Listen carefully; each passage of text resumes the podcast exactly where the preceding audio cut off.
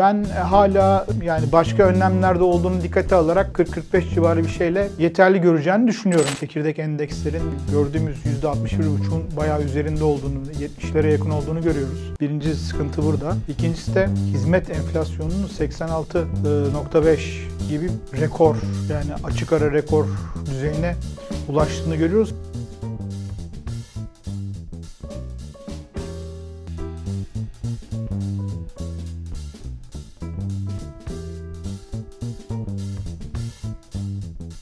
Merhaba Haluk Bey, hoş geldiniz. Hoş bulduk. Nasılsınız? Teşekkür ederim siz.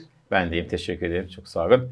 Haluk Bey, e, bu hafta ne konuşacağız? Bu hafta tabii ki enflasyon haftası, ayın ilk haftası. Ayı enflasyon verisi açıklandı. Bunu detaylıca konuşacağız. Ne gösteriyor? Bunun tabii ki para politikasına etkisini, nasıl bir sonuç doğuracağını da size soracağım. Geçen haftadan kalan bir tartışma ama tabii uzun bir süre bunu konuşacağız. Carry trade, sıcak para. Geçen hafta biraz portföy yatırımı konuşmuştuk sizinle. Bu kapsamda Goldman Sachs'ın e, açıklamasından sonra Türkiye'deki bu tartışmayı ele alacağız. Bir de ABD küresel ekonomiye bakacağız. ABD tahvil faizleri yukarı gidiyor. Bunun hem küresel piyasalara hem de bizim ekonomimize etkini size soracağım. Hazırsanız enflasyona başlayalım. Tabii. Şimdi enflasyon beklentilerin biraz altında kaldı. Ama aylık yine %4.75 gibi yüksek bir rakam geldi. Yıllıkta ise %61.5 oldu. Bu 2023 yılının en yüksek enflasyonu demek. Ne, ne gördünüz enflasyon verisine baktığınızda? Evet çok yani sürpriz yapmadı bu sefer. Yakın diyebiliriz beklentilere. İki ayda önceki iki ay 9'un %9'un üzerinde aylık artış olmuştu. Bunun nedenini biliyoruz. Kurlar ve vergi ayarlamaları. E, bunun yavaşlayacağını da biliyorduk. Çünkü Haziran e, Temmuz'daki kur artışları sonrasında kur artışları Ağustos'ta bayağı hız kesmişti. Eylül'de de öyle oldu. Yani aylık artışlar böyle kur sepeti bazında yüzde 1-2'lere civarına yavaşladı. E bu tabii hemen e, etkiliyor. E, onu gördük. O yüzden yavaşlama bekliyorduk ama %4.75 de son 5 yılın ortalamasının e, iki katı neredeyse. 2,5 e, son 5 yılın ortalaması Eylül ayları için. Geçmişe göre de çok yüksek. Tabii tarihi rekor değil çünkü şöyle Temmuz-Ağustos'ta bayağı bir rekorlar kırılmıştı. Yani şimdiye kadarki en yüksek Temmuz-Ağustos ayları enflasyon olmuştu. Eylül öyle olmadı. Eylül'de genelde geçmişte de bir şeyler olmuş. Eylül'de bazı böyle 98'de işte 2001'de falan %6'lar civarında falan enflasyon görülmüş tarihine baktığımızda. Rekor değil ama bayağı yüksek yine. Bence içine baktığımda da yani daha detayına indiğimde de şöyle bir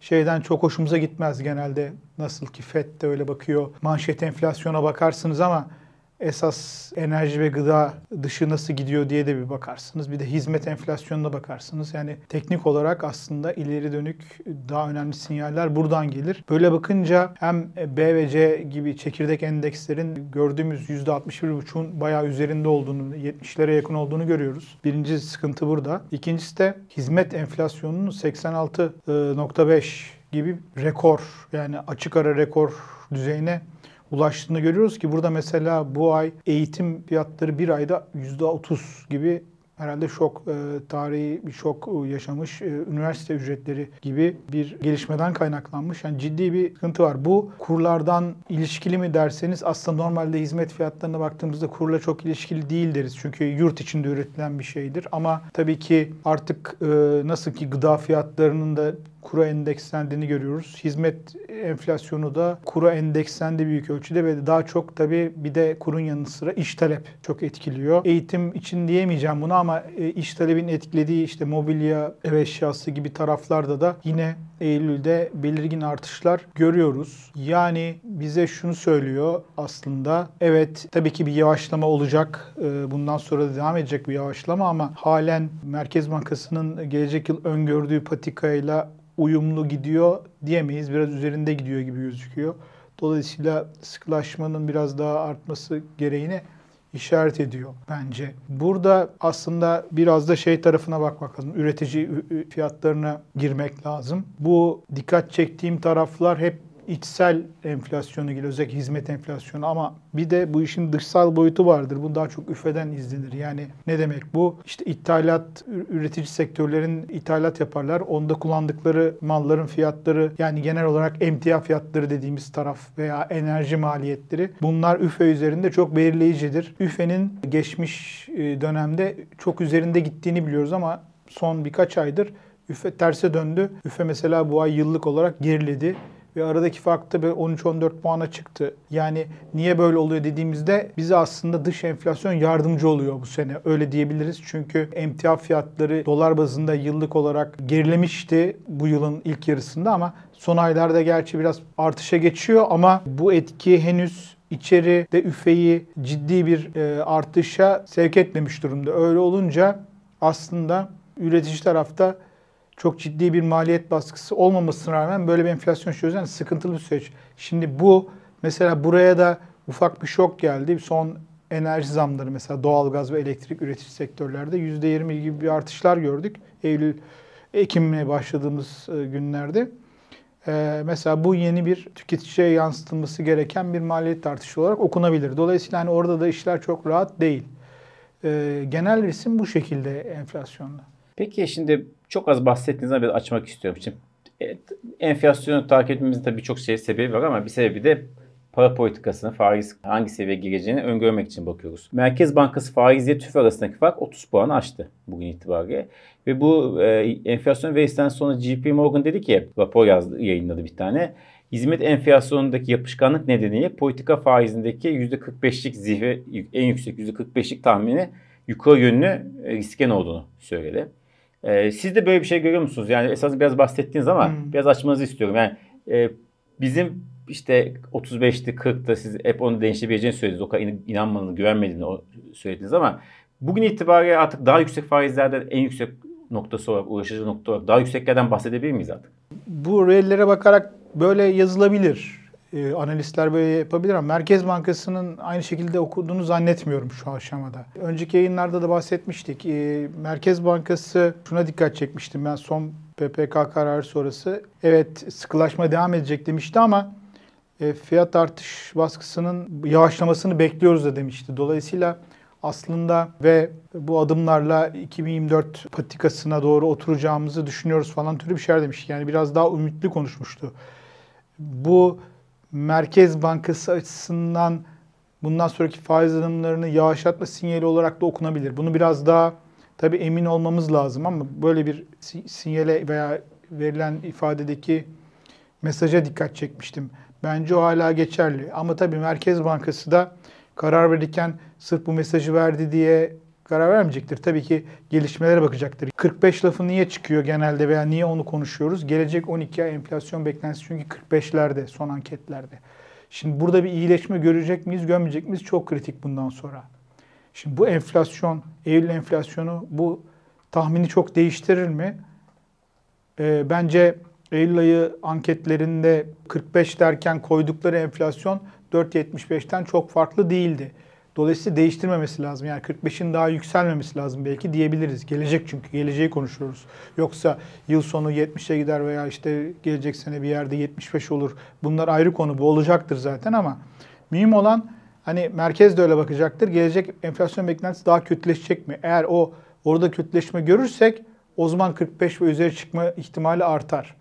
Bunu görmeden ben de bir şey diyeyim. Ama ben de zaten hep söylüyorum. O çok kritik. Bir de anket mesela bir sonraki karar öncesi yapılan anketlerde tabii işte 500 bas puan artış mı beklenecek, 250 mi beklenecek o da merkezin kararını etkiler toplantı bazında. Nihayet şeyini değiştirmez. Bütün bunlara bakacağız. Yani ben hala yani başka önlemlerde olduğunu dikkate alarak 40-45 civarı bir şeyle yeterli göreceğini düşünüyorum. Yani ben zaten JP Morgan'da herhalde riskler var demiş. Yani kendi tahminini revize etmemiş. Ee, o da bekleme sürecinde öyle anlaşılıyor. Teşekkürler. Sağ olun. Şimdi ikinci başlığa geçeyim istiyorsanız. Carry evet. trade. Ee, önce bir bunu bir carry trade ne olduğunu finansal okuryazarlık açısından kısaca bir anlatır mısınız? Ya zor aslında yani şey hem basit hem e, biraz komplike geçmişle ilgili veri de veremiyorlar. O yüzden hani havada kalıyor biraz. Hani genelde sırf carry trade Türkiye özelinde görülen bir şey değil. Çok mesela şeyden bahsedilir. Faizi düşük olan para birimiyle borçlanıp e, faiz yüksek olan para biriminde değerlendirmek gibi bir şeydir aslında. Çünkü oradaki faiz farkını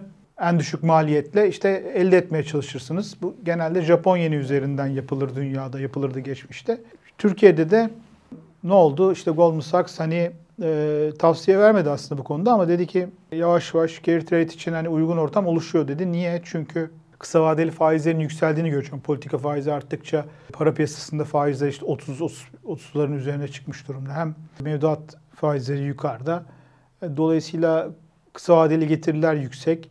Dövizden TL'ye geçmesi durumunda değerlendirebileceği şeyler artıyor. Buna karşılık tabii onun açısından daha önemli olan vadede ne yapacak? Yani vadede kuru kaçtan alacak? Öyle baktığında da bu sıkılık nedeniyle veya bu faiz artışları nedeniyle belli bir vadede e, kurların vadeli işlemlerde fiyatlanandan daha düşük kalabileceğini düşünüyor. Dolayısıyla e, oradan da kazanabileceğini düşünüyor. O yüzden hani yazılmış bir şey ama bu işlemleri uygulama ortamı eskisi kadar rahat değil. Yani onun e, eskiden hem e, yabancı giriş çıkış açısından e, özellikle işte swap gibi alanlarda gördüğümüz kısıtlar e, bu işleri uygulamasını biraz zorluyor. Yani zor hale getiriyor. Oralarda gevşeme olmadan da bu yönde net bir tavsiye vermelerini beklemem. Ama bir hazırlık içinde oldukları görülüyor. Geçmişte bu rakamlar bayağı yüksekti Türkiye açısından. Şu anda yok uzun süredir. Ama yani bu konuda bir görüş değişikliği de olduğunu zannetmiyorum. Ee, O yüzden biraz daha bekleyeceğiz gibi geliyor. 2005-2015 civarı o aralıkta Evet. Japon ev kadınları sürekli gazetelerden maçta o değil mi Japon ev Evet, kadınları? Aynen, aynen. ABD FED faizlerin işte arttığı, uzun süre artacağını, yüksek kalacağını söyledi. Biliyoruz zaten onu konuştuk. Bu tabii ABD tahvil piyasasında ve borsalarında etki yaratıyor. Türkiye'de ilişki endeksi sormak istiyorum. Mesela borsaya başlayalım. Şimdi işte ABD borsa bu işten tabii bu iş hoşuna gitmedi faizin yükselmesi. Ama bize bakıyoruz bizde faizler artıyor borsanın hoşuna gidiyor. Burada farklılık nedir? Valla şimdi yani hakikaten e, borsanın her şeyini, eğilimini yorumlamak zor tabii. Çok zor. E, bir kere e, oynaklığın en yüksek olduğu piyasa yani. Dolayısıyla her gün yorumlamaya, bir şeye bağlamaya kalkarsanız bayağı ters olur, zor olur. Zorlama olur bir şeye bağlamak. Sonra ertesi gün tersini görürsünüz çünkü ba- bağlayamazsınız falan. Zor iş. Ama hani şöyle diyebilirim. E, hep bir şöyle oluyor. Yani ana eğilim değişmedikçe, çok görüş değişikliği olmadıkça arada zikzaklar anlamına geliyor. Yani zikzaklar da şundan kaynaklanıyor. Zaman zaman pozisyon azaltmak istediğinizde de kar, kar realizasyonu yapmak istediğinizde mevduat faiziyle korkutuyorsunuz e, yatırımcıyı. Hani çok yükselecek işte e, şirketleri olumsuz etkiler veya işte değerlemeleri olumsuz etkiler. İşte tahvil faizleri yükseliyor, 10 yıllık faizler yükseliyor. Değerlemelerin aslında kötü olması. Bunu da korkutuyorsunuz. Sonra ama trend değişmediği için tekrar e, geri çekilmelerden sonra tekrar yine yukarı zorladığını görüyoruz. Yani o yüzden hani hikayenin e, demek ki yetmiyor şu anda. Yani e, ters yöne ikna etme anlamında öyle bakmak lazım. E, daha pozitif e, haberler daha fazla e, satın alınıyor veya fiyatlanıyor diyebiliriz. Yani ufak işte rating artışları bile aslında çok garanti görülen ki geçen yani cuma günü de işte son olarak S&P'nin şeyini gördük. Bunlar bile işte olumlu tarafta şey yapılıyor aslında çok net bir bir şey getirmese de kısa vadede. E, o tarafa öyle bakıyorum ben. Yoksa e, mevduat faizlerini gördüğümüz durum e, e, büyük sıkıntı olabilir. Ama yine hala enflasyon e, yüksek gittiği için herhalde enflasyona karşı koruma olarak yine ağır basan bir tema olarak bu borsayı da sürüklüyor yani onu da görmek lazım. Peki ABD tahvil getirinin yükselmesi nasıl etkiliyor küresel piyasayı? Yani şimdi dolar endeksi de yükseliyor. Ee, Bu da, bu da bizim için negatif haber. Bunu biraz anlatır mısınız? Yani ABD tahvil, tahvil piyasasının küresel ekonomi etkisi ne? Yükselmesi ne demek?